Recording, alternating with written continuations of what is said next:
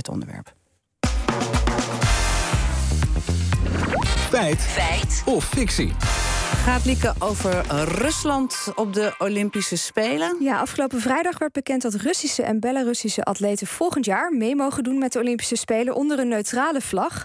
Daar ontstond veel ophef over. Op X, voormalig Twitter, sprak de Oekraïens-Amerikaanse econoom Roman Sheremeta er schande van.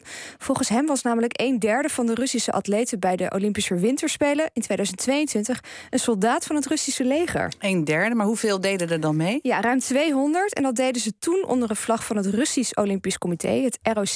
De Russische vlag werd toen ook geweerd, maar toen vanwege een groot dopingschandaal. Volgend jaar in Parijs gaan ze dus opnieuw niet onder de Russische vlag spelen vanwege de oorlog. Hoe neutraal was die ROC-vlag dan eigenlijk? Dat weet journalist en oprichter van Moscow Times, Dirk Sauer dat slaat eigenlijk nergens op. Want in Rusland wordt dat helemaal niet zo gepercipieerd.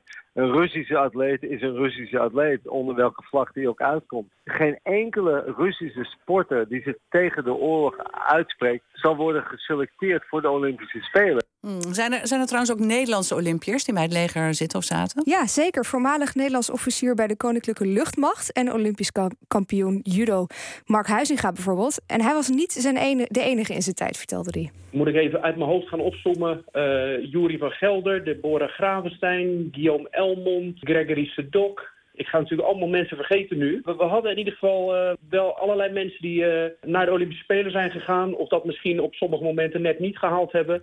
maar wel allemaal op dat niveau acteerden. Ah, dus, dus, eigenlijk is dat een volledig militair sportteam dan? Ja, en die hebben ze ook nog. Wordt nog bijzonderer. Luister maar naar Huizinga. Voor verschillende doelgroepen zijn er ook kampioenschappen. Zoals je ook wereldkampioenschappen voor studenten hebt... zijn er ook wereldkampioenschappen voor militairen. En dat hadden we ook elk jaar in het judo. En we hadden eens in de vier jaar de Military World Games eigenlijk een soort Olympische Spelen voor militairen. Vrij groot evenement, toch wel iets van 5000 deelnemers. Volgens mij is dat ooit begonnen in 1995, uh, de eerste editie. En het wordt nog steeds elke vier jaar uh, ergens in de wereld. En op die kampioenschappen deden bij judo relatief veel Russische sporters mee, vertelde hij. Kon uh, Huizinga het judo goed combineren met dat officier zijn? Ja, dat vroegen we ook aan hem. Voor mij is het altijd een goede combinatie geweest om mijn topsport bij Defensie uh, te kunnen uitvoeren. Ik heb eigenlijk geen nadelen uh, gehad. Je moet je wel ergens aan committeren, dat wel. Je moet uh, geen probleem mee hebben om bij een militaire organisatie te werken. Hmm, even naar die winterspelen van 2022 in Beijing. Dat was ongeveer gelijk met het begin van de oorlog tussen Rusland en Oekraïne. -huh.